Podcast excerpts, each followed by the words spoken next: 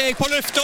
Mikrofon og alt har gått til balalaika. Da er det Balalaika med Alf Henden i studio igjen, og vi ser på historiske hendelser i uke 22. Helt uke 22 er vi kommet nå, ja.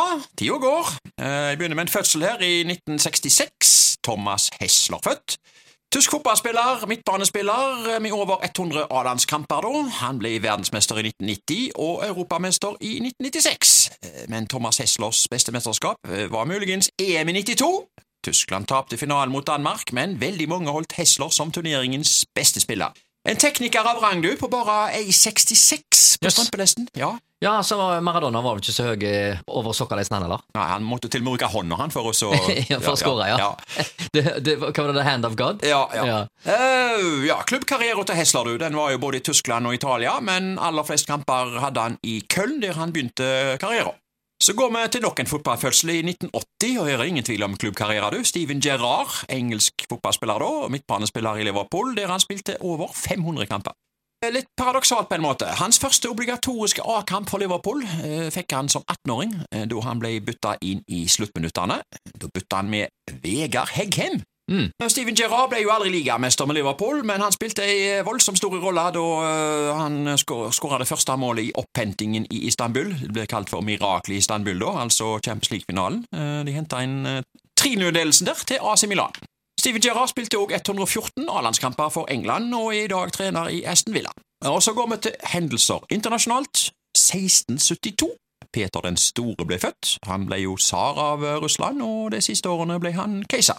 1968, du. The Beatles tok fatt på innspillingen av The White Album i Abbey Road Studio i London. Det er historisk. Ja, det ble jo et uh, dobbeltalbum av det, og det ble spilt inn hele 32 låter, hvorav 30 av de fikk plass på plata. Og en av de to som ble vraka, det var en låt av George Harrison som het No Guilty.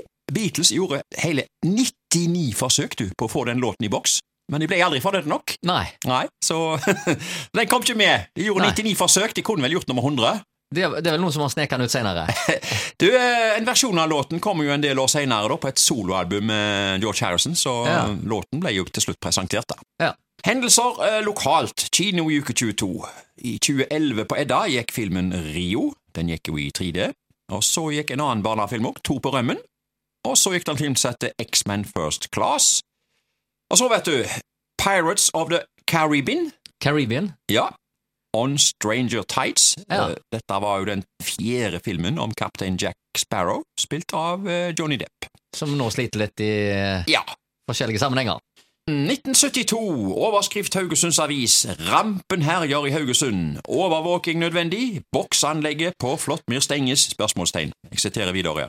Å yte god service på offentlige steder er blitt et stort problem av ungdomsrampen som herjer, sa TTKs sekretær Torbjørn Nærvik på TTKs generalforsamling tirsdag. Han svarte på et spørsmål fra Hilmar Bastholm om hvorfor ikke venteværelse på kaien er i drift. Etter den erfaring vi har, fortsatte Nærvik, kan ikke venterommet på kaien holdes åpent uten overvåking. Og se, det koster penger. Vi har noe av det samme problemet boksanlegget på Flåttmyr. Der også herjer ungdomsrampen, og det er et spørsmål om ikke det samme boksanlegget må stenges. Vi står her overfor et protestmentalitet i landsmålestokk, sa Nervik. Ungdomsherberget var også gjenstand for spesiell oppmerksomhet på generalforsamlingen. Vi må vel se i øynene at den gamle formen for ungdomsherberger er på vei ut, sa Nærvik.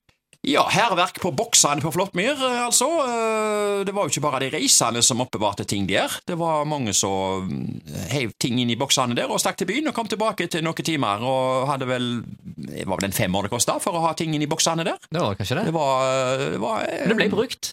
det ble brukt, det kan du si. Denne artikkelen var altså i 1972, um, og så var det litt, stod det litt her om ungdomsherberget. Kan vi 50 år senere slå fast at ungdomsherberger ikke er inn lenger? Nei, kanskje ikke. Nei? Altså Hvis du er ute og reiser i utlandet, så vet jeg at det er mye av det slaget rundt om i storbyene. Ja, Vandrehjem, var det? Vandrehjem kan òg, ja. ja, ja. Og så går vi til 1981, du. Jeg tar for meg annonser her i Haugesunds Avis av en fotballkamp i eliten, da. Altså det vil si førstedivisjon, som het den gangen. Haugar Viking på Sakkestadbanen mandag 2. juni, andre pinsedag, klokken 18.30. Entré, sitteplasser kroner 30, voksne stå kroner 20, barn trygdede kroner 10. Altså, så leser jeg videre her. Unngå kø. Vær tidlig ute eller kjøp billett på forhånd på utsalgsstedene. Parkeringsplasser, kolon, Køff, Lundal Auto, S-laget, Biltilsynet. Meldetjeneste med åpen linje fra samtlige kamper i førstedivisjon. Og så Vennligst unngå tråkk på private plener. Oh ja, såpass. Vakter møter to og en halv time før kampen. Det var ikke for tidlig, eller? To og en halv time. Ja. Eh, Og jeg skjønner hvorfor det sto dette her med å unngå tråkk på private plener. Altså, infrastrukturen der borte eh, med nytt eh, anlegg. Altså, dette hører jeg, så var jo Haugesund stadion stengt pga. opparbeiding, så kampene til Haugar og Vard og Djerv måtte gå på eh, Sakkestadbanen. Eh, og dette her med private plener, ja. Folk ramla jo inn. Det var jo tross alt noen tusen som kom på kamp. Ja, ja, ja. Og de kom inn fra alle kanter der. Ja, Gikk gjennom uh, hagene til folk. Ja, de gjorde jo det. Og parkeringene her, som jeg siterte her, det var jo egentlig flere hundre meter å gå her. Ja, ja. Eh, Køff, eh, Lundal Auto, ja. Eh, Biltilsynet, det er jo Ja, ja, så uh, Ja, ja, Det var det, det ble ikke noe særlig det, det var jo liksom mange som trodde og håpte at dette skulle bli en typisk hjemmebane til Haugar. ja. Og det var jo der de rykte opp òg, høsten året før. Uh, Men når eh, førstedivisjonskampene tok til, så viste det seg jo at dette her var en skikkelig sånn eh, De, de hadde jo komplekser den her, men de vant ikke én hjemmekamp. De gjorde ikke det, nei? Haugar vant ingen hjemmekamper. Oi sann. Ja. Uh, og, og, eh, og, Det var ikke mye glory, glory. Nei, altså, der borte det var tre tribuner, provisoriske. Uh, Mye haug og hammer, og vanskelig for folk å komme til, som jeg nevner her.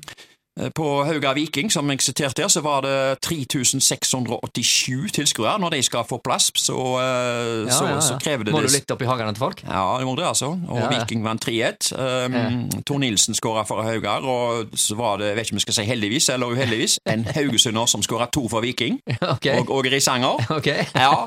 Uh, men Sakkestad bane, nei, det var ikke noe gode greier. Og når jeg ser den uh, banen i dag, så ser han jo helt lik ut som han gjorde i 1981, bortsett fra at nå er jo tretribunene vekke da. Ja. Ellers er det ingenting nytt der borte. Innbytterbenkene Ti år stått stille der? eh, Innbytterbenkene ser ut som det var fra 60-tallet i Romania. ja, såpass, ja? Ja, ja. Oh, ja, Da er det egentlig bare én ting å spørre om her, føler Ja, jeg. ja. Søkkestadbanen! Hot or not? Nei, den, den er per i dag not. Den not. Han var not den gangen òg.